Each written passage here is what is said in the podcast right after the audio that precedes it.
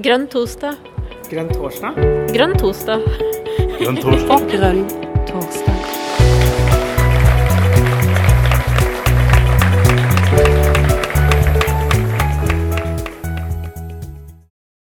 Da er klokka 20, og det er torsdag, og den er grønn.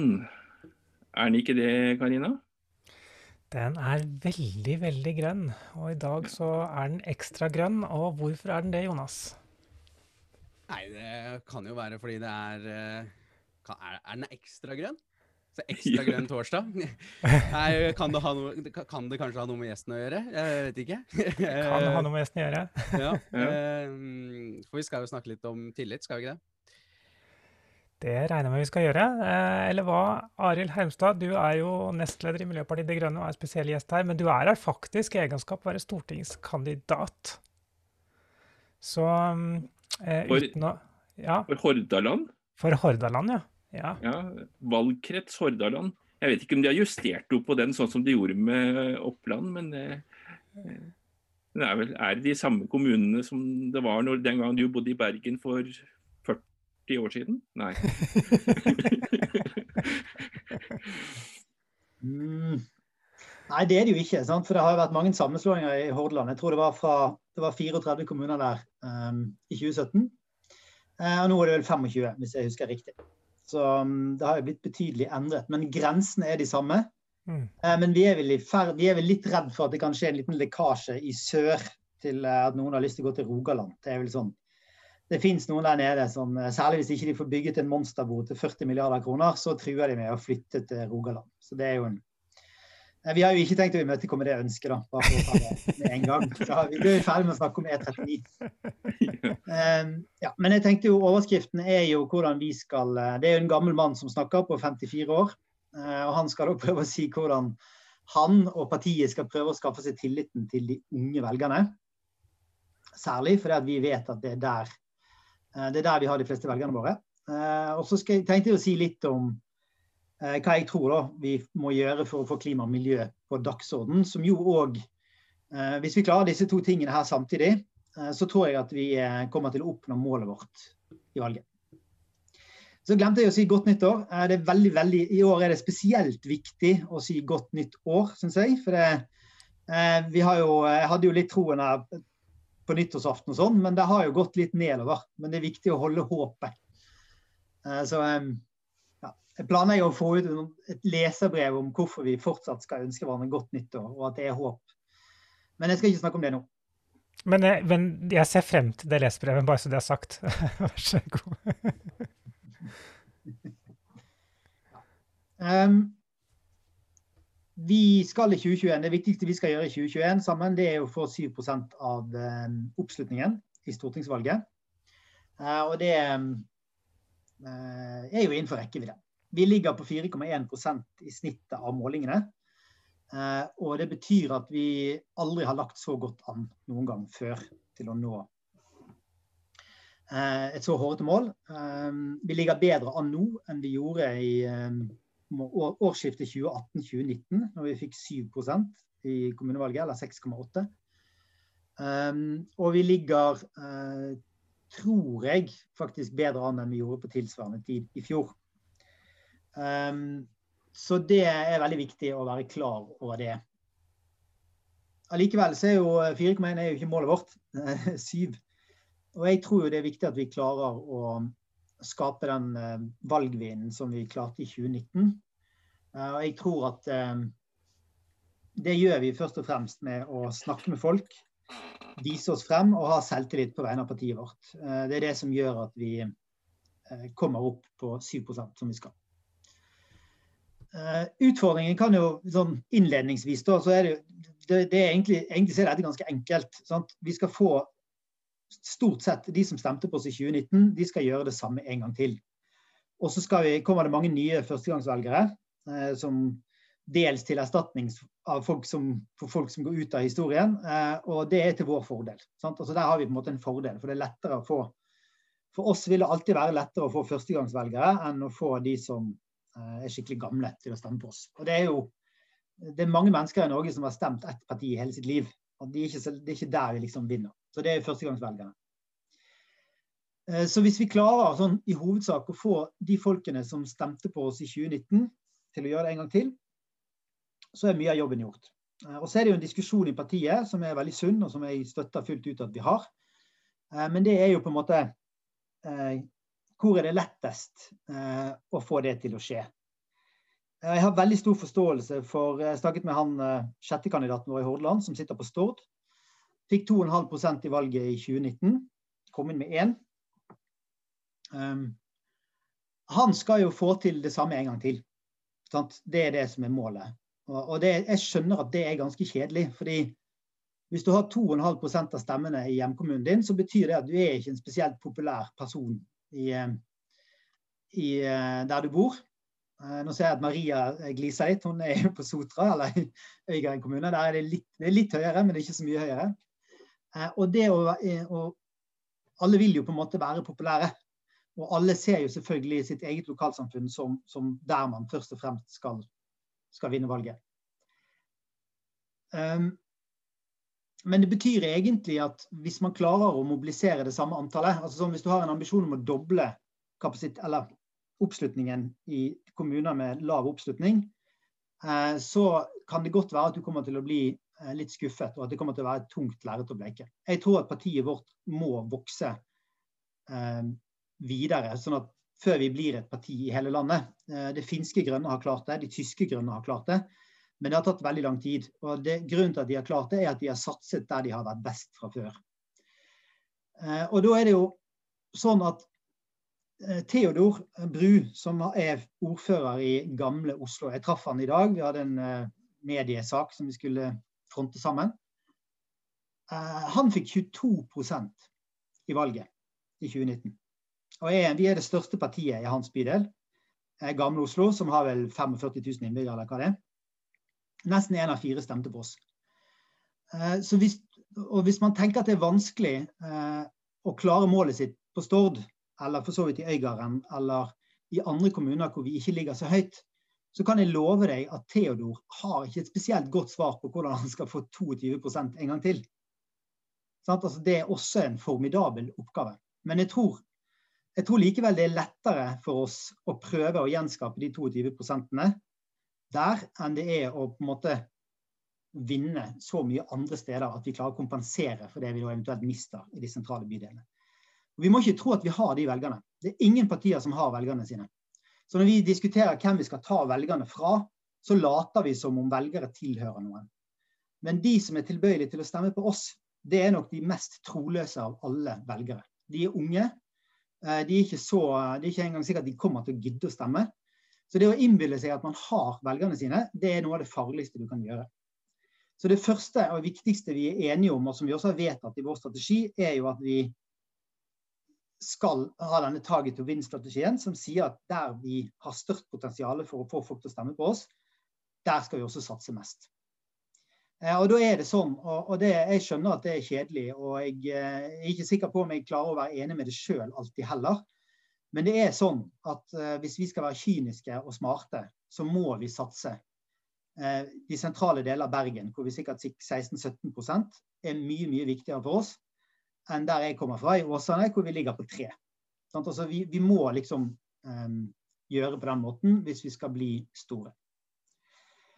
Eh, og dette syns jeg vi skal fortsette å snakke om. Jeg føler at eh, en, eh, at partiet er ganske Vi står veldig samlet om det, men jeg skjønner òg at vi har en indre kamp med oss sjøl alle sammen om kan jo dette her være riktig. Det er jo veldig feil måte å gjøre det på. Ja, så det mm, Men jeg tror i en valgkamp så er det viktig å holde seg til det man har funnet ut at man skal holde seg til, og ikke glippe på det og tenke at nei, kanskje det ikke var så lurt. Men det er ingen tvil om at det, den strategien vi har valgt, den er, den, den er, kostbar og den er også veldig, veldig krevende. Særlig for de som sitter alene. Og det er lettere for de som Altså det er lettere for uh, Theodor i gamle Oslo når folk kommer fra andre bydeler i Oslo for å gå dør til dør i hans bydel. Men det var det vi gjorde i 2019, og det er det vi skal gjøre i 2021. Det kommer folk fra Stovner, det kommer folk fra Søndre Nordstrand til gamle Oslo og går dør til dør. For det er der vi kan oppnå mest. Eh, dette er jo basert på den grunnanalysen vi har, eh, og for så vidt den valgkampstrategien som vi vedtok i landsstyret i juni. Så det er lett å Geografien her er uh, ikke så utfordrende. Det som er utfordrende, er selvfølgelig hvor raskt vi kan begynne å gå dør til dør. Det sentralt altså Sekretariatet er veldig opptatt av at det må skje veldig fort. og ja, jeg må jo alltid være enig med sekretariatet, så jeg tenker at det er viktig at så fort det går an, så er det om å gjøre å komme seg ut og snakke med folk. Og Det er sånn vi også får brutt ned alle fordommene mot oss. Det er da vi får uh, folk til å skjønne at vi er normale folk. Gode mennesker som vil det beste. Både for folk og planeten og dyr. Men, og at vi er menneskevennlig parti. Det er jo et, det er noe vi sliter litt med. At folk oppfatter at vi ikke er på lag med de. Så det, og det gjør vi med å snakke med folk. Det siste jeg bare skal si om det, er at selvfølgelig eh, når du er på Stord og alle snakker om Senterpartiet, og alle de kule, altså det det som er den store snakkisen, så er det veldig lett å tenke at vi må være sånn som Senterpartiet, vi òg. Vi må bli like kule som de. Men jeg tror ikke at vi kan vinne et valg på å prøve å være noe vi ikke er.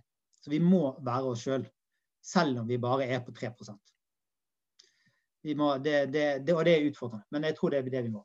Ha selvtilliten på plass. Eh, være kul, være imøtekommende med folk, lytte og, og være, prøve å få, få, folk i snakk. Og så til dagens uh, de unge. Hvordan skal vi få uh, de unges gunst? Og jeg mener, uh, det, er ikke, det, er vel ikke, vanskelig for folk å forstå hvorfor det er viktig for oss med de unge, men det er jo har, det er det første som står i valgkampstrategien vår. At vi skal være førstevalget for mennesker som setter klima og natur og global sosial rettferdighet først. Og så skal vi være førstevalget for de unge velgerne og mobilisere de unge velgerne til å stemme. Og det siste er sykt viktig. For det er ikke ta for gitt at de faktisk gidder å gå og stemme. Um, det første vi må gjøre, er å gi de unge makt og innflytelse. Uh, og det er jeg utrolig stolt av å være med i et parti hvor vi gjør det. I Bergen så er Eline 25 byråd. Uh, og jeg kjenner masse bergensere. De er liksom sånn her ja, hun er jo helt sløkket. Hun der unge jenten. Hun har jo ikke sjans. Hun skjønner jo ikke hva hun holder på med. Altså, du får den hele tiden. Eh, men hun gjør en strålende jobb, eh, og hun motbeviser jo disse gamle gubbene hele tiden. Sant? Og hun fikser det. Eh, og det er jo også sånn at de to andre byrådene, altså Tor Håkon og Katrine, er vel 31 eller 32. Og for meg er jo det pur unge folk. Tor Håkon påstår sjøl at han er den sønnen som jeg aldri fikk. Og jeg syns det er litt sånn jeg føler at jeg er litt på samme alder, men jeg skjønner at han har rett. At han er egentlig på, alder med min sønn. Eh, men vi har også en byrådssekretær som heter Josefine, som også er andrekandidat i Hordaland, som er 21 år, og som er et råskinn av en politiker. Eh, jeg har også lyst til å nevne en 14-åring eh, i Bergen som heter Frøya, som er helt altså vi, Det kommer en generasjon med grønne ungdommer nå som er helt fantastisk flinke. Og vi må gi dem rom, og vi må gi dem plass. Vi må gi dem både politisk innflytelse gjennom Grønn ungdom og gjennom det de tar opp, men også posisjoner. Og, og, sånn at de får bevise at de får det til. Og jeg synes jo, Hvis vi skal sammenligne oss selv med andre partier, så syns jeg at Høyre er flink til dette. De får frem unge, dyktige folk, gir de rom, gir de selvtillit, bygger de opp. Mens det andre partiet som eh, vi nå visstnok, eller som vi kanskje skal samarbeide med etter valget, de gjør det motsatte de er ikke flinke til å ta vare på de unge folkene sine. De må på en måte gjennom en sånn helvetesuke, som ofte blir sånn helvetesår, hvor de må liksom gjøre masse ting som er ubehagelig for å være god nok for å bli med i partiet. Så vi skal, eh, vi skal legge til rette for dette. Vi har jo også Pauline som sitter i oppvekstkomiteen på fylkestinget. og var vel, Jeg husker ikke om hun ble tredjekandidat, eller men har en sentral posisjon i fylkestinget. Og som også er på fjerdeplass på listen i fylket. Vi har Maria som er med på møtet her, som er på tiendeplass, og som sitter i formannskapet i, um, i Øygarden kommune. Gruppeleder. Uh, og er jo veldig fortsatt litt med i Grønn ungdom, men er fremdeles uh, veldig mange gode politiske år foran seg. I Sogn og Fjordane har vi Sigrid på tredjeplass. Og nasjonalt så har vi jo toppkandidater på under 30 i Buskerud, Rogaland, i Agder, eh, andrekandidaten i Trøndelag osv. osv.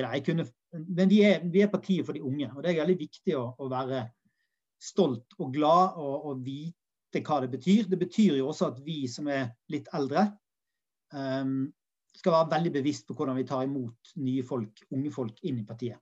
og bidra til at de får en god opplevelse i partiet vårt.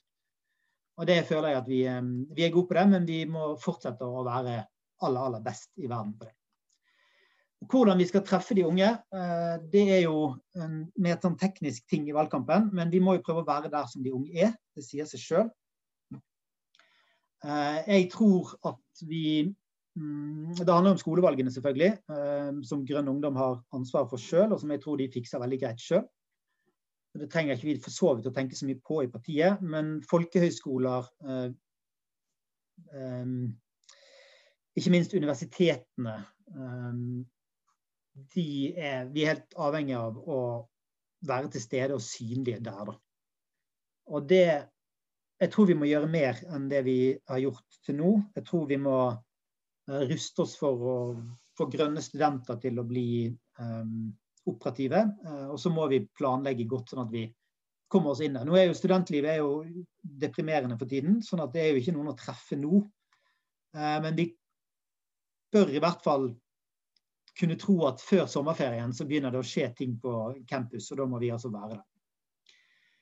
Eh, og så er det jo å være kreative. tenke hvor er det ungdommen går? Eh, går det an å gå og snakke med ungdom på en skaterampe, liksom? Går det an å treffe eh, de på strendene i sentrum på sommeren og få til en politisk debatt der? Utfartsdeler hvor de, hvor de befinner seg, hvor du ikke må kjøre. Sykkelveier, high fives, gjøre den type ting ja, komme seg inn i debattene på studiestedene.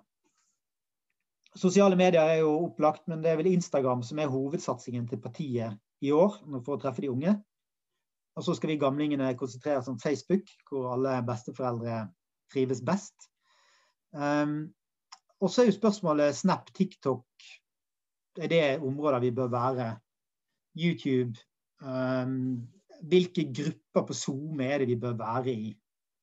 Så det er jo sosiale medier da, som er, eh, er viktige, tror jeg. da. Men eh, jeg eh, Vi har jo en veldig veldig oppegående SoMe-gjeng. Og vi har jo valgt for I 2017 så kjørte vi veldig sånn kjøp av tjenester. Og det har vi sluttet med. Nå gjør vi det sjøl, og vi har veldig mange kompetente folk som gjør dette sjøl. Og de følger veldig med, sånn at vi, vi, vet hva vi gjør. Og vi spisser budskapene mot de ulike målgruppene. Vi er jo ikke helt på Trump-nivå, Um, men det er ingen tvil om at um, han er jo ganske effektiv når det gjelder å mobilisere sine egne folk gjennom sosiale medier. Uh, så mobiliserer han dem til litt feile ting. Uh, og Vi skal ikke lære av han, men det kommer til å bli et rotterace mellom partiene for å anvende den mest kyniske kunnskapen om hvordan man treffer sine egne målgrupper. Så vi er nødt til å vi er nødt til å være med i den konkurransen. Altså Vi kan ikke på en måte være med i en uh, fotballkamp uten å, uh, uten å, vite om at det finnes offside-regler og at det er om å gjøre å skåre mål. Så vi er her, er vi bare, Der er vi nødt til å gjøre det, men vi, har, uh, vi gjør det på en etisk veldig, veldig bra måte. Vi er selvforsynt med dyktige folk, og vi følger med på hvordan vi skal klare å få det til. Å treffe studentene i luftvalgkampen er jo utfordrende. De leser jo ikke avisen. Det, det er jo um, Hvis de leser avisen, så har de blitt sendt dit fra et eller annet sosialt medium. Uh, og Det betyr at de stort sett kommer inn på forsiden på uh, nettavisene, i beste fall. Uh, og da må vi jo komme oss dit. men vi må òg tenke studentradio, studentaviser, ungdomsorganisasjoner, Natur og Ungdom, Speideren. altså Eh, rett og slett, Er det noen magasiner ungdommene leser i dag? Bør vi komme oss inn der? Eh, jeg tror vi må være ganske kreative på det, også i Hordaland. Eh, så Nå begynner jeg å liksom sirkle meg inn mot slutten, og det er dette med disse sakene vi skal treffe de unge på. Tradisjonelle saker er sånn stemmerett for 16-åringer. Snakke om studenter som rammes av korona, om psykisk helse for unge. Jeg er usikker på boligpolitikk for de unge, men det er jo også sånn, det er veldig mange som ikke kommer inn på boligmarkedet. Um, så har du type antirasisme, diskriminering, Black Lives Matter. altså Den type ting engasjerer veldig mange unge. Uh, og til og med statuer av Winston Churchill er sånne ting som uh, sikkert Jon og meg og en del andre litt oppi årene tenker at hva i all verden var dette for noe? Men det er ganske mange unge som um, ser verden fra et helt annet sted. Og jeg minner meg selv om at det var i Argentina for uh, veldig veldig lenge siden. Og Der dyrket de da uh, Stalin og Lenin som sånne revolusjonshelter. Uh, og Det kan de gjøre fordi de bor i en helt annen verdensdel. men det er veldig mange i Norge som altså, har røtter i andre verdensdeler. Og da er ikke Winston Churchill så kul som det vi trodde han var. liksom. Så det tror jeg òg at vi Jeg ser at det er også sånt å diskuteres internt i partiet, men jeg er veldig tilhenger av at vi skal ha et parti hvor det er kult at unge folk tør å vise seg frem, og at ikke de blir skutt ned av gamlingene hvis de har vært ute i media og, og fått litt tyn fra motstanderne våre. Så skal ikke de få masse tyn fra våre egne. Jeg mener vi skal ha eh, stort rom for å mene forskjellige ting. Eh, og særlig på områder hvor partiet faktisk ikke har vedtatt noen politikk. Det finnes ikke noe vedtak i, i MDG om at vi, at, vi ikke, at vi, elsker Carl von Linné og alle benkene han har satt opp, eller Winston Churchill-statuene. Så der må det være rom for å mene forskjellige ting. Og det må også være rom for selvfølgelig å gjøre feil. Det kan godt være at det ikke var så lurt, men skal vi gamlingene sitte og påpeke det overfor våre egne, det syns jeg vi ikke skal gjøre. Jeg syns vi skal ha en raus kultur, og vi skal være glad for at folk tør å mene forskjellige ting. Eh, det tror jeg er et eh, Ja, for et nytt parti som også kler oss ikke å på en måte prøve å få alle til å gå i takt og være enige.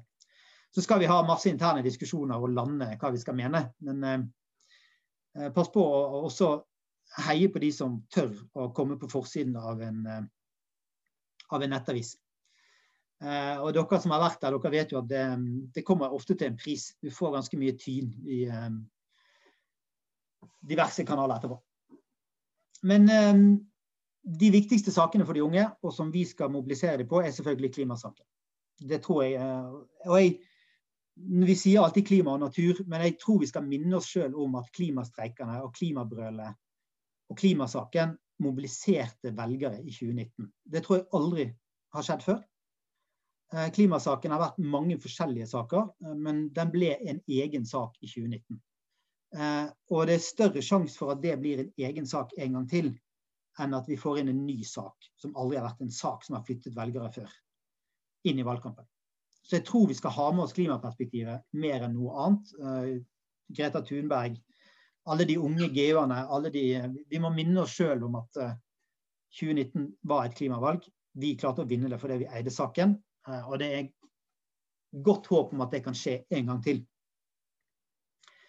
og så er jo Natursaken er selvfølgelig viktig. Vi har, den, men den er, jeg tror for folk så er det mange saker. Ulv er én sak, vindkraft er en annen sak. Nedbygging av myr er en tredje sak. Hyttebygging. sånn at vi gjør koblingen om natur. Eh, for meg er det helt naturlig å tenke at motorveier er feil for å ødelegge natur. Men for folk der ute så er det mange forskjellige ting. Og det at natur plutselig skal bli en sånn felles stor sak som virkelig flytter velgere i 2021, eh, det mener jeg fremdeles at ikke er så sannsynlig som at klima gjør det. Men vi skal ha med oss begge to, men jeg tror vi skal bare huske å minne oss sjøl om at klima har gjort det en gang før og kan gjøre det en gang til. Og Da er det jo snakk om et generasjonsoppgjør, hvor det er de gamle som på en måte ødelegger fremtiden til de unge. Og det er sånn, Hvor tøft skal vi si det? Hvor hardt skal vi gå ut og melde det at nå stikker gamlingene av med fremtiden til de unge? Eh, det, det er jo et spørsmål om eh, hvilken type synlighet man, man har tro på. Men jeg, jeg, tror at vi skal tørre å melde det ganske hardt. Greta Thunberg meldte det veldig hardt i 2019. Det gjorde vi sjøl òg. Eh, så det, bør vi definitivt um, tenke. Hvis vi bruker ordet generasjonsoppgjør, så kan man jo òg eh, være veldig tøff i trynet uh, og gå et hakk videre og snakke om koronahåndtering og koronaepidemien uh, som også er et slags svik mot de unge, hvor de unge betaler veldig mye av prisen for at vi skal unngå høye dødstall blant de eldre. Dette er veldig tøft å si, og jeg har ikke sagt at jeg vil gjøre det. men men man kan eh, gå inn i en sånn debatt eh, og skaffe seg sjøl ganske mye oppmerksomhet. Um, og det er i hvert fall ingen tvil om at vi skal være på de unges parti, men skal vi samtidig òg påpeke at ja, f.eks. i statsbudsjettet i fjor så fikk altså pensjonistene ekstra mye penger. Og Hvis det er en gruppe som ikke har blitt rammet av korona økonomisk, så er det pensjonistene. De som har blitt rammet, det er de unge som har strøjobber, eh, studentene. altså de som de har blitt rammet økonomisk. De har tapt mye på dette. Så det er bare sånn Man kan, hvis man vil, være ganske hard i klypa også der. Eh, og det Kanskje ikke jeg skal gjøre det, men kanskje noen skal tørre å gjøre det i valgkampen. Ja, eh, til slutt så tenkte jeg bare å si dette med agendasetting. Um, og vitsen med å sette agendaen er jo at folk, folk husker sakene. Sant? Det er sakene de husker, og så husker de av og til hvem det var som fremmet saken. Og det betyr at det er viktig for oss å fremme saker som er våre, som fremstår som saker som vi har eierskap til. Eh, og det er jo sånn at um, det er nesten sånn at når SV fremmet en miljøsak i 2019, så tenkte folk at det var MDG fordi vi eide den saken så voldsomt. Eh, og For å bevare det eierskapet så må vi klare å komme ut med flere sånne eh, utspill som setter agendaen. Og det Vitsen med å sette agenda er å etablere et problem, få folk til å skjønne at det er et problem, og få folk til å stemme på bakgrunn av det problemet. Og da er jo eh, allerede nevnt, men klima er altså viktig. Og Det er også det strategien vår sier. Vi skal ha hovedfokus på å bevare sakseierskap på natur, klima og miljø. Og bygge videre på eierskap til grønn by- og tettstedsutvikling, som vi har en viss eierskap til. Eh, vi har en fortelling som jeg vet ikke, jeg skal ikke lese den, men det er noen sånne stikkord der. Det ene er jo at um, klima- og naturkrisen er den største urettferdigheten. Så det handler om rettferdighet. Og når vi ødelegger miljøet, så ødelegger vi for oss sjøl. Så det er viktige ting å prøve å si så ofte som mulig. Så nevner vi um, eksempler på problemer med de andre partiene. De bygger motorveier, de leter etter olje, de forsøpler havet, og de ødelegger naturen. Det gir oss viktige stikkord på hvordan vi kan kommunisere rundt det, og hvilke saker vi kan ha. Vi kjemper for grønnere byer og bygder. Eh, vi skal gjøre samfunnet bedre å bo i, gate for gate, nabolag for nabolag. Vi skal gjøre det lett å leve miljøvennlig, og vi skal skape en fremtid med trygge jobber, der vi tar vare på naturen og på barna. Dette tror jeg legger liksom litt føringer på også hvordan vi kan kommunisere, og hvilke saker vi skal ut med. Vi skal ut med motstand mot oljen. Vi skal ut med motstand mot motorveier, forsøpling av havet. Vi skal ut med motstand mot naturødeleggelser. Eh, det tror jeg er Der er det mange å ta av. Man må være tøff. Maria og meg var så tøffe i, eh, i 2019 at vi eh, sa nei til denne broen som var vedtatt for 100 år siden. Som, som firefelts motorvei til Sotra. Og den blir jo ikke populær av å tørre å si det. Den er jo allerede vedtatt. Man manglet bare litt penger. Men, men jo, jeg tror man må tørre å gjøre sånne ting for å sette agenda. Og så er det jo um, Det er sånn at hvis vi snakker om nye grønne jobber, så er alle for det. Alle er for hydrogen i Hordaland, sikkert langs hele kysten. Alle er for nullutslippsferger, ladestasjoner, elbiler. Det er, det er veldig få som er imot det. Men vi er jo de eneste som tør å si at vi også skal slutte med olje. At det er, eh, og da, da, kan vi sette agendaen. Vi klarer ikke å sette agendaen med å si at vi skal bygge hydrogenstasjon her. Men hvis vi tør å si hva vi er imot, så er det lettere å komme på. Det er det samme med, eh, med Hvis vi ser på forsøpling av havet. Alle er for at vi skal produsere tang og tare i sjøen. De er for å plukke plast eh, langs kysten vår. Men det er bare vi som tør å si at vi skal bli kvitt de åpne fjøsene som vi har eh, langs hele kysten, som slipper ut masse dritt i, i fjorden. Og det tenker jeg, da, får det også mer oppmerksomhet. Alle er jo for jernbane, det er bare vi som skikkelig sier at vi tør å si at vi hater motorveier. Og alle er for lekeplasser i byen, men det er bare vi som tør å fjerne hundrevis av parkeringsplasser for å bygge de lekeplassene. Og så er det alle som er opptatt av å stoppe naturødeleggelsene. Uh, nå kan dere holde dere fast, men det er bare MDG som ønsker å halvere kjøttforbruket for å få det til. Så, så kan man jo velge hvilken av disse sakene man, og hvordan man vinkler sakene. Men det, jeg tror eh, hvis vi skal bli populære, så må vi også tørre å være upopulære. Vi må også tørre å ta noen fighter. Uh, det er sakene, det er agendaen, og dette er det vi skal prøve å få til i løpet av våren, tenker jeg, og litt ut i august. Og så hørte jeg et tall her at i slutten av valgkampen så handler 60% av sakene om spillet om hvem som skal snakke med hvem og bla, bla, bla etter valget. Eh, og det er jo et spørsmål Skal vi være med i den eh, diskusjonen? Eh, og jeg, jeg, tror ikke vi har noe valg, liksom. Eh, hvis vi skal holde hele veien inn, så må vi også prøve å være relevant den siste uken, de siste 14 dagene før valget. Hvor alt kommer til å om, handle om hvem som skal bli statsminister. Eh, helst så bør vi jo kunne si at UNE skal bli det, men det jo Det tar nok noen flere år. Da må vi kanskje ha litt flere gode valgresultater bak oss. Men eh, vi har gjort et godt vedtak i landsstyret nå som rigger oss ganske bra for å si mye, mye forskjellig i valgkampen. Eh, det er relativt tydelig, men det, er, det, låser oss ikke til noe som helst. Det låser oss ikke til å elske verken Støre eller Vedum, og det låser oss heller ikke til å si at Solberg uansett er uinteressant å snakke med. Eh, så det er jo litt sånn spill som vi kanskje må være litt med på på slutten av valgkampen, sånn at vi ikke blir parkert helt på sidelinjen. Eh, men det tror jeg vi kan Vi eh, trenger ikke snakke så mye om det. Og grunnen til at vi vedtok dette nå, er fordi at vi ønsker å snakke om politikken vår, og ikke om spillet rundt hvem som skal sitte i regjering, og hvem som skal snakke med hvem. Men det kommer en tid for det òg.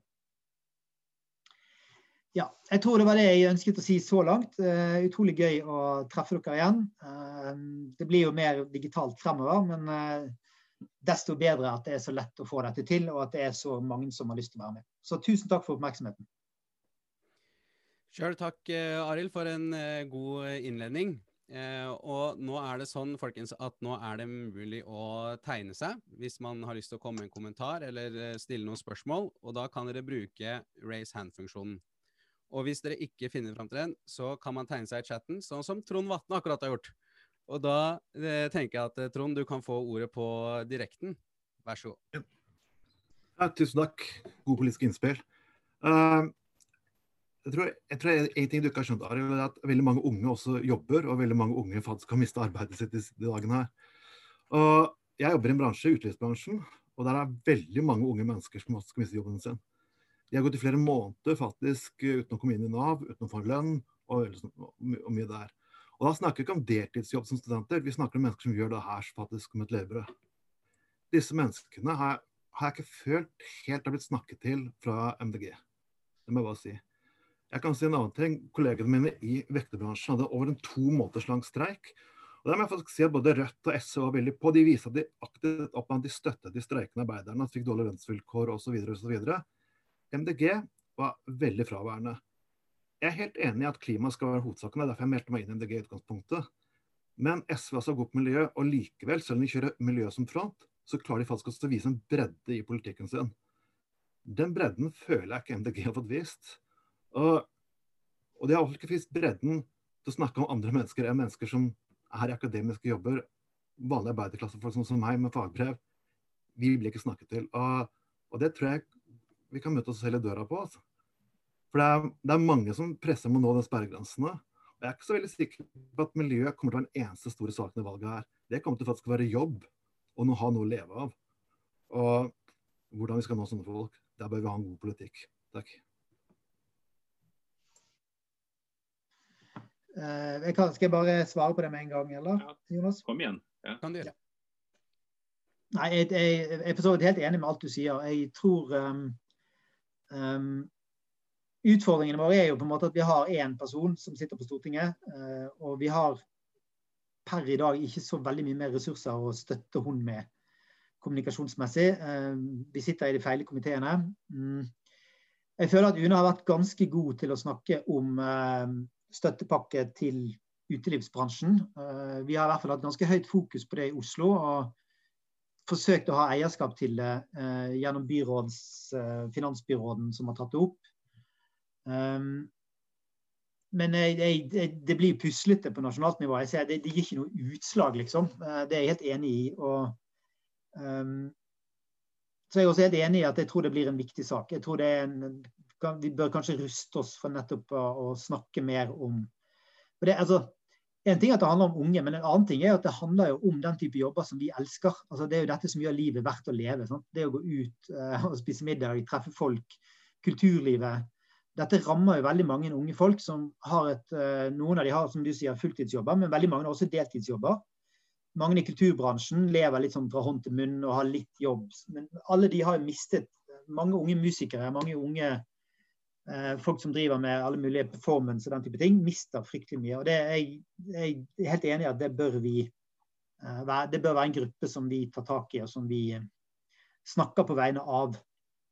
Um, og så tror jeg den bredden som vi jobber med å få den Den beste måten å få den bredden på, er å komme inn med 7 i stortingsvalget. Da får vi 12-13. Da vi, sitter vi i alle komiteer. Eh, det betyr at de fleste fylkene i landet har en representant fra MDG på Stortinget som kan bringe inn genuine saker fra sitt eget hjemfylke.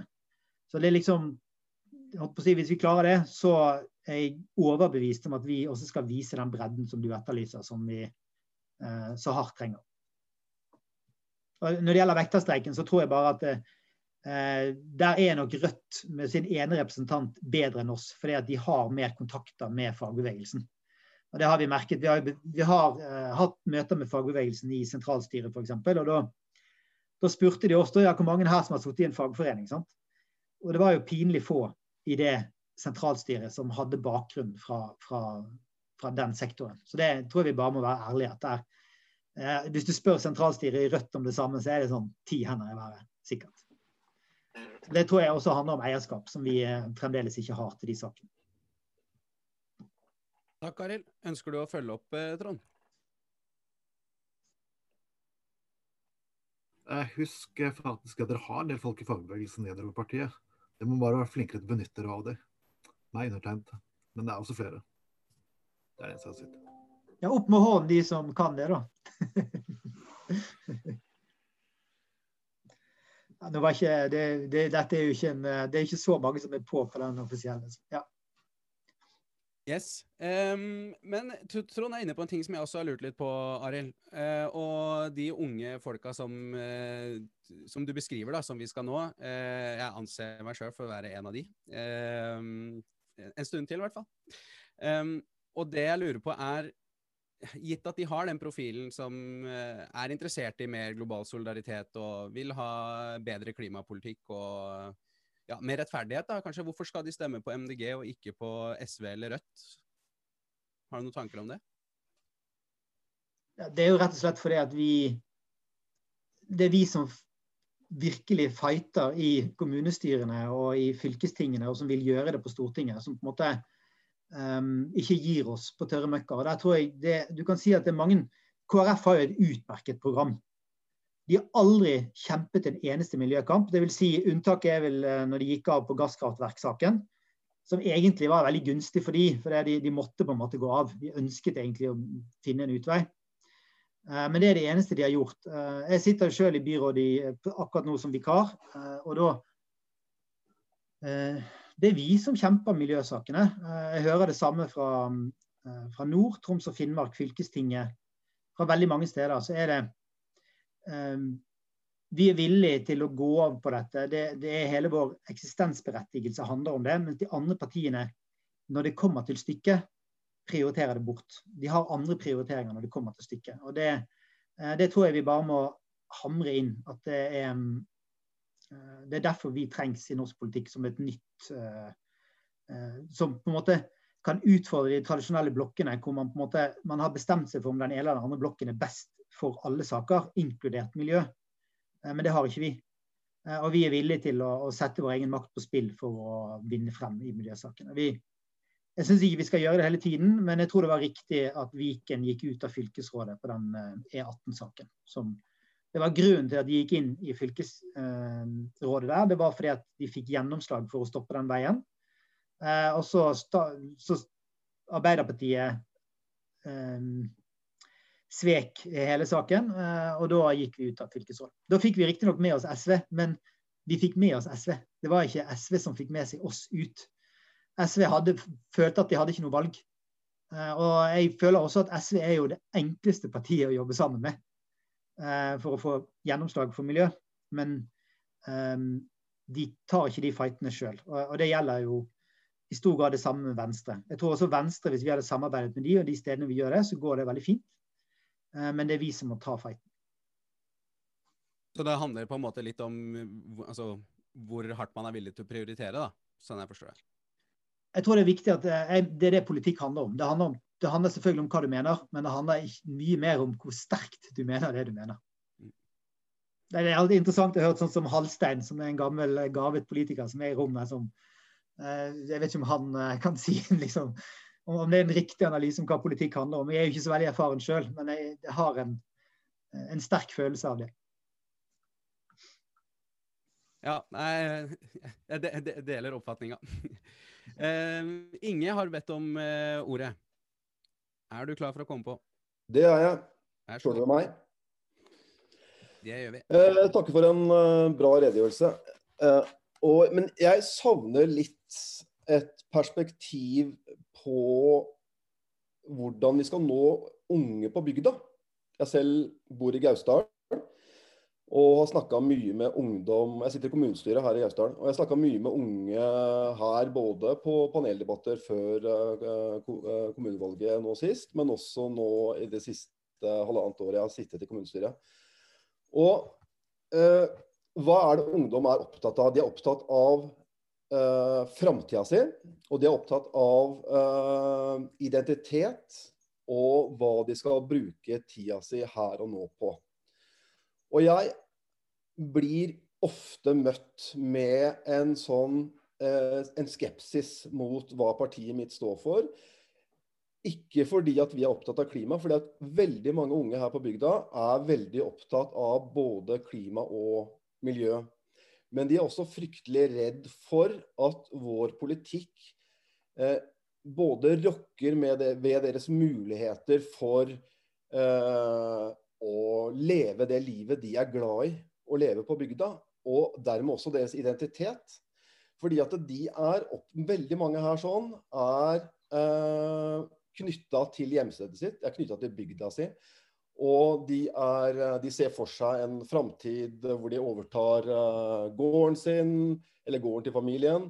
De er opptatt av eh, å være sammen med venner og gjøre ting her i Gausdal. Men så er de av den oppfatning at MDG er imot eh, alt som eh, lukter av eh, ikke sant? Bilen er synonym med diesel og, og bensin.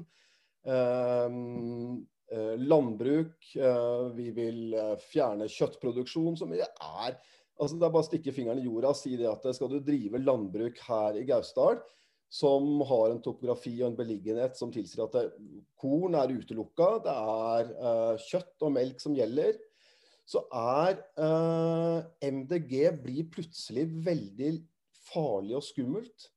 Og det der har jeg en sånn stor utfordring. Eller jeg ser at vi har en stor utfordring, fordi at jeg tror det er et ganske stort potensial uh, i uh, ungdommene på Bygde-Norge. Jeg tror mange av de, uh, selv om de kommer fra beinharde Senterpartifamilier, så, så er de opptatt av ting som er, er så sentralt i vår politikk.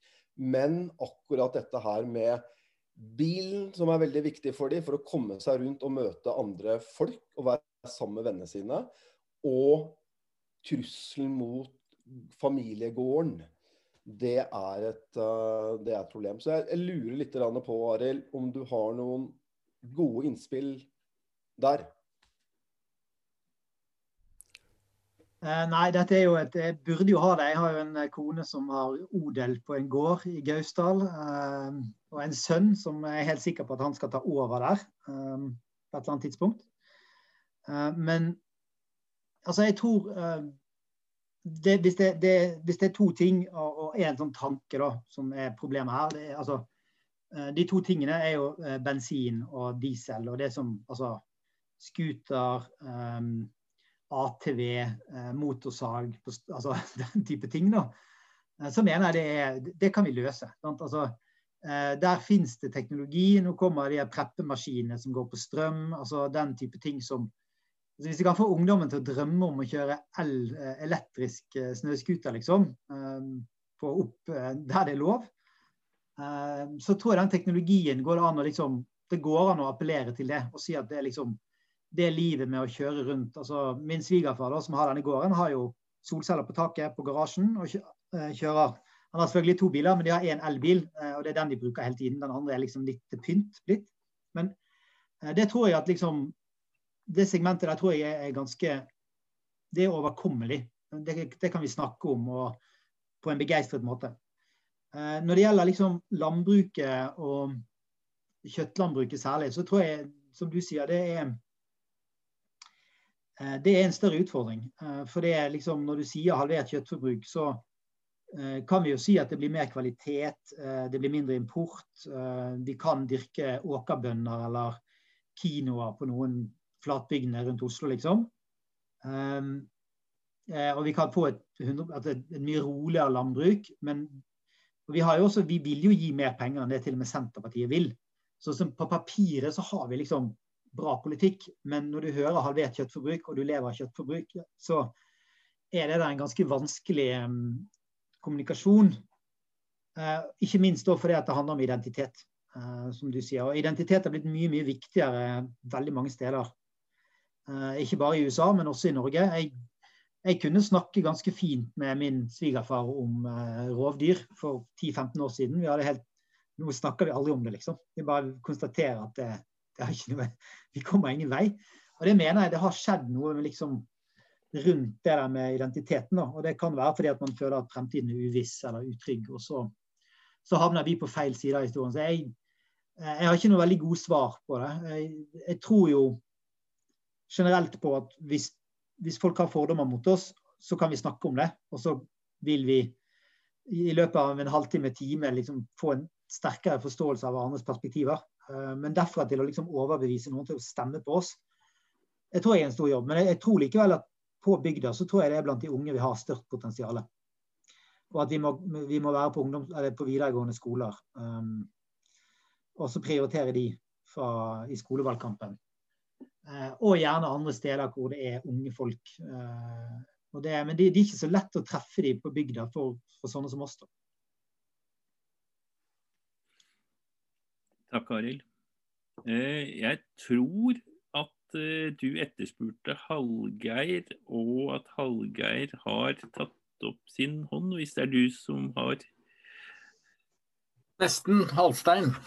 Halstein, ja, unnskyld. Det var, var, ganske nær, da. Det var halvveis. ja, ja, større krav enn det. Eh, nei, jeg syns eh, det er interessante ting dere er inne på nå. Eh, men jeg syns, og det gjelder eh, egentlig ikke minst eh, eh, Når vi begynner å bevege oss inn i Senterpartiland, som det er snakk om nå, så tror jeg det er viktig å velge sine kamper.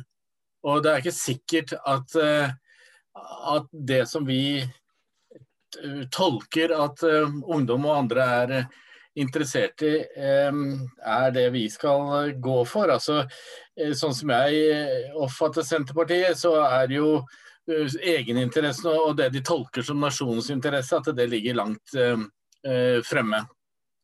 Um, men når, man, når, vi begynner å snakke om at vi skal ja, Det ble brukt sånn ATV og, og, sånne ting for å illustrere litt, så er, tror jeg ikke ungdom nødvendigvis er så lidderlig opptatt av seg selv som vi kanskje vil uh, ha det til. Men uh, ikke mer enn oss andre, i hvert fall.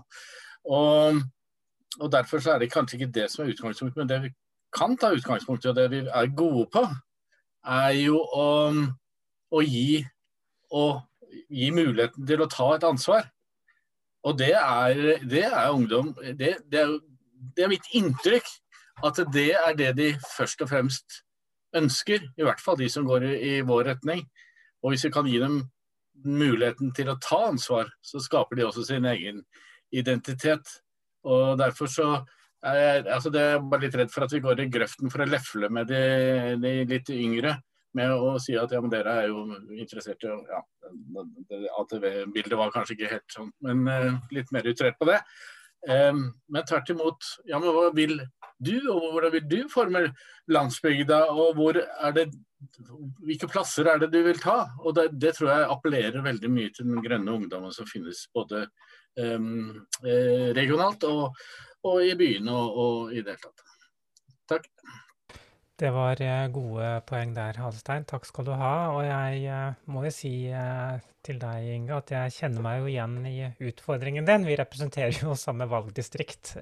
Så så det er jo de, mye av den samme ungdommen som uh, vi henvender oss uh, til. Og det er klart, uh, vi ser jo også at det er en ganske stor forskjell på ungdom, urban ungdom og landsbygdungdom. Det er, det, er, det er, store forskjeller på interesser og, og, og, hva de bruker fritida si på. Tommy, du har nå fått lov til å tegne deg. Det er helt vidunderlig å ha deg her. Vær så god, ordet er ditt. Takk for det. takk for det. Ja, um, for, uh, jeg har lyst til å svare litt uh, i forhold til problemstillinga som uh, Inge Buge Knutsen legger på bordet. Um, altså det ene er jo åpenbart jeg kan støtte Arild i. Det er jo det at det, vi har klare begrensninger i å ta sakseierskap til alt. Enten det er det som Trond Vatne Tveiten tar opp, eller det som Inge Buge Knutsen tar opp. Og det er klart, det er begrensa hva man rekker over, rett og slett, når man har én representant på Stortinget.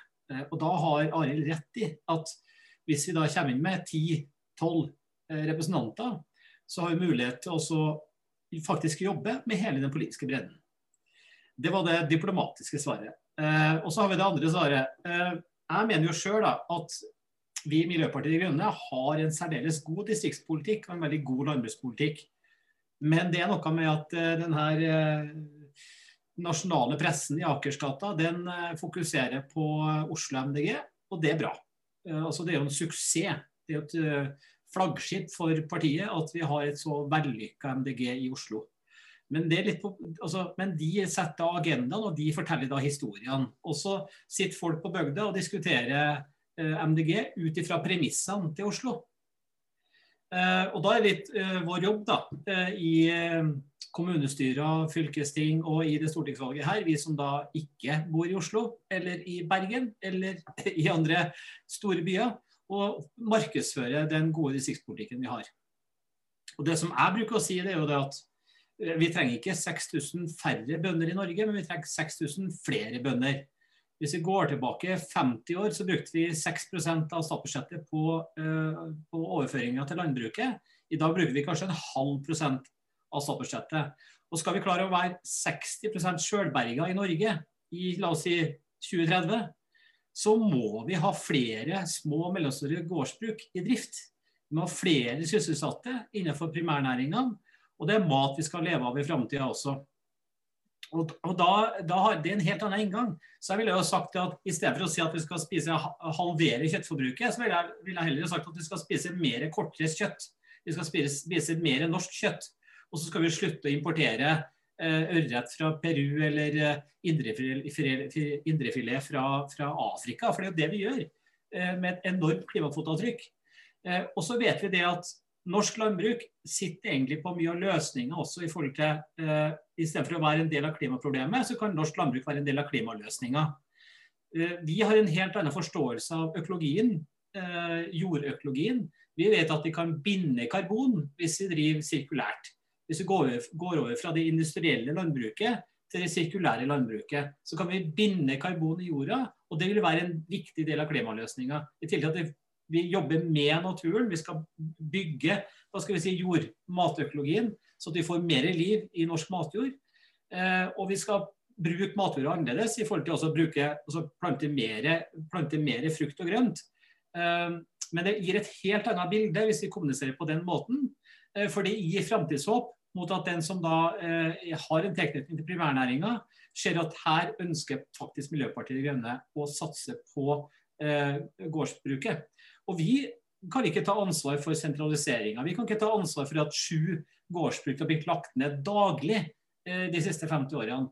Vi må si at vi skal ha en ikke så liten norsk landbruksrevolusjon. Fordi vi skal ha, bruke matjorda, eh, eh, og vi skal bli sjølberga. Og det gir et helt annet bilde, tenker jeg, enn på en måte det som er inngangen til Arild. Takk. Takk skal du ha, Tommy. Arild, vil du kommentere? Det, jeg har ikke egentlig lyst til å starte en sånn voldsom landbruksdebatt. Jeg tror bare, jeg, jeg, jeg, tror Halstein var litt inne på det i sitt innlegg. Men jeg tror det er viktig at vi som parti um, tør å gjøre den prioriteringen jeg snakket om i starten. At uh, Eh, vi må først og fremst prøve å treffe eh, de målgruppene som er tilbøyelige til å stemme på oss.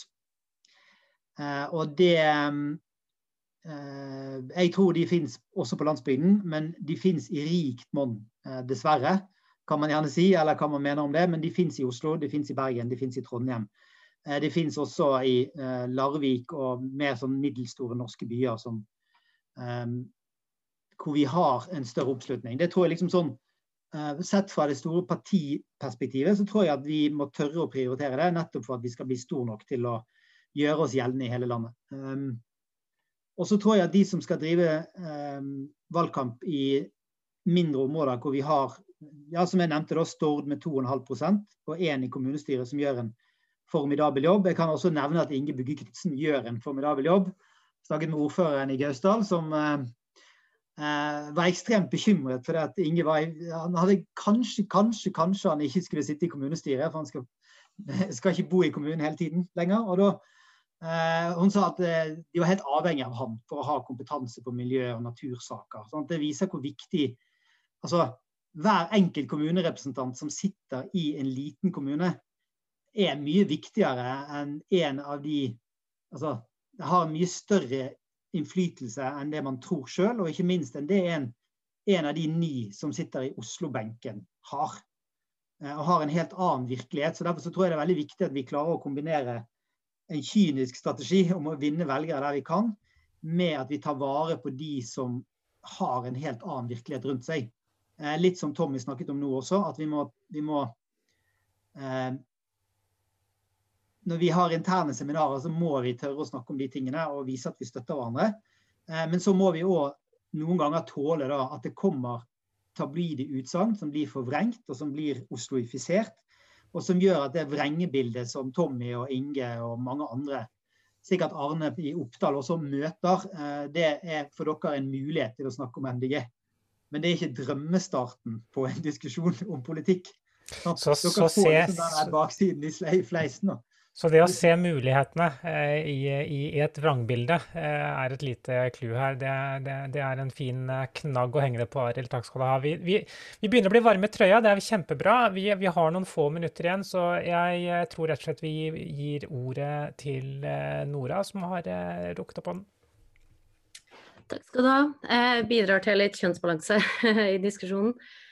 Um, det er fire ting jeg vil si. Det ene er, som Arild har sagt, det å virkelig stole på strategien. Eh, og nå etter hvert skal vi jo gå inn i en gjennomføringsfase. Eh, og det kan være fristende å se på ja, eh, alt som skjer, og begynne å tvile på de tallene vi har. Men de tallene vi har er gode, og det er ikke trukket ut av løse lufta. Det grunnlaget vi har for den strategien bør vi stole på. Em, og det betyr eh, da følge target to win. At det er noen områder man bør prioritere høyere enn andre. Um, men det andre er at hvis dere lurer på hvordan dere skal snakke eh, til ungdom, eh, så anbefaler jeg for det første å snakke med GU-ere. Eh, og snakke med GU enten hvis dere har et lokallag eller nasjonalt. For GU har veldig mye kunnskap om hvordan eh, grønne ungdommer tenker, og hvordan potensielle grønne ungdommer tenker. Eh, så hvis dere vil ha innspill på det, så bruk oss for det det er verdt. Det tror jeg man har stort forbedringspotensial på. Og det er jo tross alt GU sin oppgave også å snakke til førstegangsvelgerne og en del studenter også.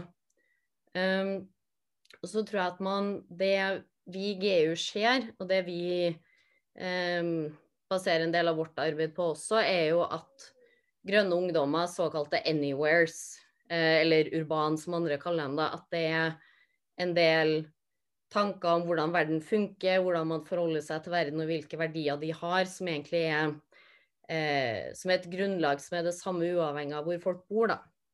Eh, så folk er ikke eh, Ikke for å underspille at by og bygd er forskjellige, altså, men så forskjellig er man ikke. Så det å tørre å Man kan snakke om mye av de samme sakene, i hvert fall for ungdom, da, om sosial urettferdighet og det at nå må man få fingeren ut av eh, Ja, eh, og begynne å gjøre ting, da. Um, og så uh, Ja, det var egentlig det. Takk. Det var et veldig spennende foredrag, Arild. Og glad for at vi også kan ja, ha møteplasser hvor vi snakker om de her temaene også. Ja. Takk, Nora. Eh, Halstein har eh, tegna seg igjen. Eh, vi går mot slutten, så jeg, du er litt kort, og så kan Arild få Ja. en sluttkommentar eh, etterpå. Ja, nei, takk. Jeg skal prøve å være kjapp. Jeg synes det er veldig interessant å være med på denne. For nå er vi altså vi beveger oss fra en sekt til et parti. Og det, det syns jeg er eh, en, eh, morsom øvelse, for å si det sånn. Jeg har bare vært og øvd meg med andre partier før, i hvert fall ett. Eh, Men dette her er eh, det å se et parti som er i en, en slags utforming som former seg selv, det, det syns jeg er det, kjempeinteressant. Um, og så vil jeg jo si at det, det som da et parti må gjøre, er jo å få en bredde. Eh, og, men med sånn som dere har sagt, en lokal tilpasning og en tilpasning til de målgruppene som vi velger ut. fordi at eh, som sagt, vi må velge våre eh, kamper. Så er det saker da som kommer. og Derfor så det, står natur, klima og miljø øverst. Men skole er jo til for å øke kunnskap om f.eks. natur, klima og miljø. Barnehagen er en del av, av utformingen av mennesker. Og til og med helse og omsorg har jo altså Vi kan snakke vårt hovedbudskap gjennom alle deler av programmene som vi finner, og alle virksomheter som finnes i hver eneste kommune. Men det vi må bare passe oss for, er at vi ikke går i den fellen at vi får en akademisk tilnærming. Vi må ha, for det, vi kan snakke oss så rundt og være så akademiske at vi i grunnen ikke skjønner selv helt hva vi sier. Og da skjønner ingen andre det heller. Så prøv å få den viss eh, folkelighet, og, eh, for ikke å si forståelse, inn i budskap. Takk. Takk. Ja, Arild, har du da en uh, sluttkommentar her? Ja, jeg, Det var um, veldig interessant det Halstein sa. Jeg tenker jo uh, Det neste vi skal gjøre, er å gå fra å være et parti til å bli en bevegelse. Og jeg mener jo at vi har uh, alle muligheter til å være det. og det er viktig med bevegelse at de da er i bevegelse. At det ikke er noen som eier sannheten om hva denne bevegelsen er for noe da har man en tendens til å stivne. Eh, og da er det viktig, Vi kan minne oss selv på at vi har 10 300 medlemmer nå. Det er mer enn noen gang. Um, eh, og det, et, det er jo ved inngangen til et valgår, eh, og vi vet at i et valgår så får vi mange flere. Og vi får også mange flere som blir frivillige for oss, som har lyst til å være med i valgkampen. Min utfordring, eller min oppfordring til alle er å ta godt imot disse menneskene. Behandle de ordentlig, snakk med de, ta de på alvor. Uh, og Det er jo det vi skal gjøre, holdt på å si, ikke bare med de som har lyst til å være med og drive valgkamp for oss, men også de vanlige folk som vi møter i hverdagen. Lytt til hva de har å si, ta de på alvor. Uh, da bygger vi en bevegelse, og da viser vi at vi er ekte mennesker som bryr oss om folk. Uh, og, og, ikke bare CO2 og NOx og den type abstrakte fenomener. Så Det får være min oppfordring. Og så er jo denne bevegelsen så heldig at vi har en gjeng med idealister som har dratt i gang Grønn torsdag. Så det er jeg utrolig imponert over. Den har jo pågått lenge før korona, og det har gitt oss også en, en, fordel rett og slett i forhold til de andre partiene, med at vi ligger så langt foran. Så jeg håper alle som er nye i Grønn torsdag i dag, eh, lar dette være eh, en forsmak på altså bli med mer. Eh, jeg tror ledelsen i Grønn torsdag eh, de har også veldig lyst til at flere kan bli med på arrangementssiden. Sånn, enten de kommer fra Vestlandet eller Nord-Norge eller hvor det måtte være. Så det får være en oppfordring helt til slutt. Men tusen takk til det, det dere eh, Jon og Karina har dratt i gang, og etter hvert med hjelp fra Jonas. Det er utrolig bra for partiet vårt å ha denne plattformen. Så takk for oppmerksomheten nå, alle sammen. Hvis dere lurer på det, så har Arild fått penger for det her. Når jeg ikke trenger akkurat noe penger, den jobben min er helt sjukt godt betalt. Så jeg må bare prøve å bli kvitt penger. Det er ingenting å bruke dem på heller. Ja. Nei, men, tusen, tusen, tusen takk, Ari, for at du har vært med. Og for de som også lurer, så, så legges jo de fleste Grønn torsdag ut som podkast og også på YouTube. Så det er mulig å både se og høre det i ettertid. Eh, og, og, du kan alltids gå inn på grontorsdag.no eh, for å få med deg absolutt alle eh, de sendingene som er lagt ut. Vi har noen som ikke er lagt ut, fordi at det skal være en fordel å være med live også. Så, men neste gang, eh, Jon, du som er mann, hva skal det handle om neste gang? Kan dere gjette? Hersketeknikker.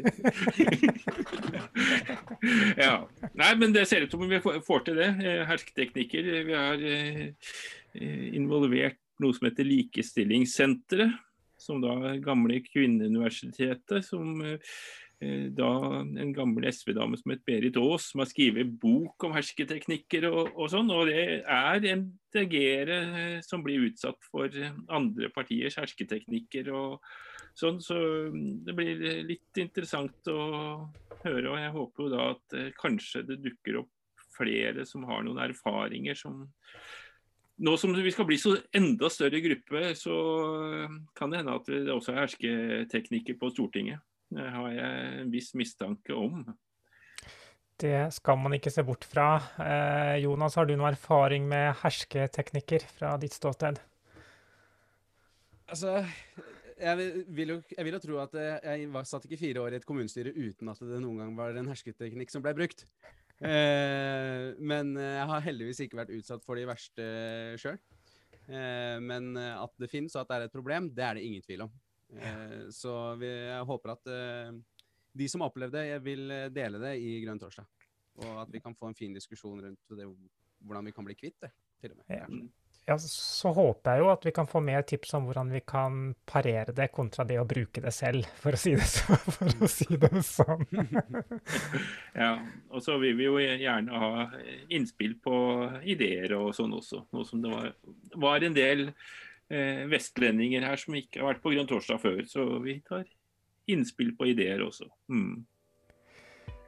Da er vi ferdige. Ehm, så da er det å si tusen, tusen takk for oppmøtet. Eh, vi ses da, de av dere som vil, neste torsdag. Eh, vi håper å se så mange som mulig av dere der. Eh, og vi kommer også til å følge opp med å invitere de fleste stortings førstekandidatene til Stortinget i løpet av våren. Så det er bare å glede seg, folkens.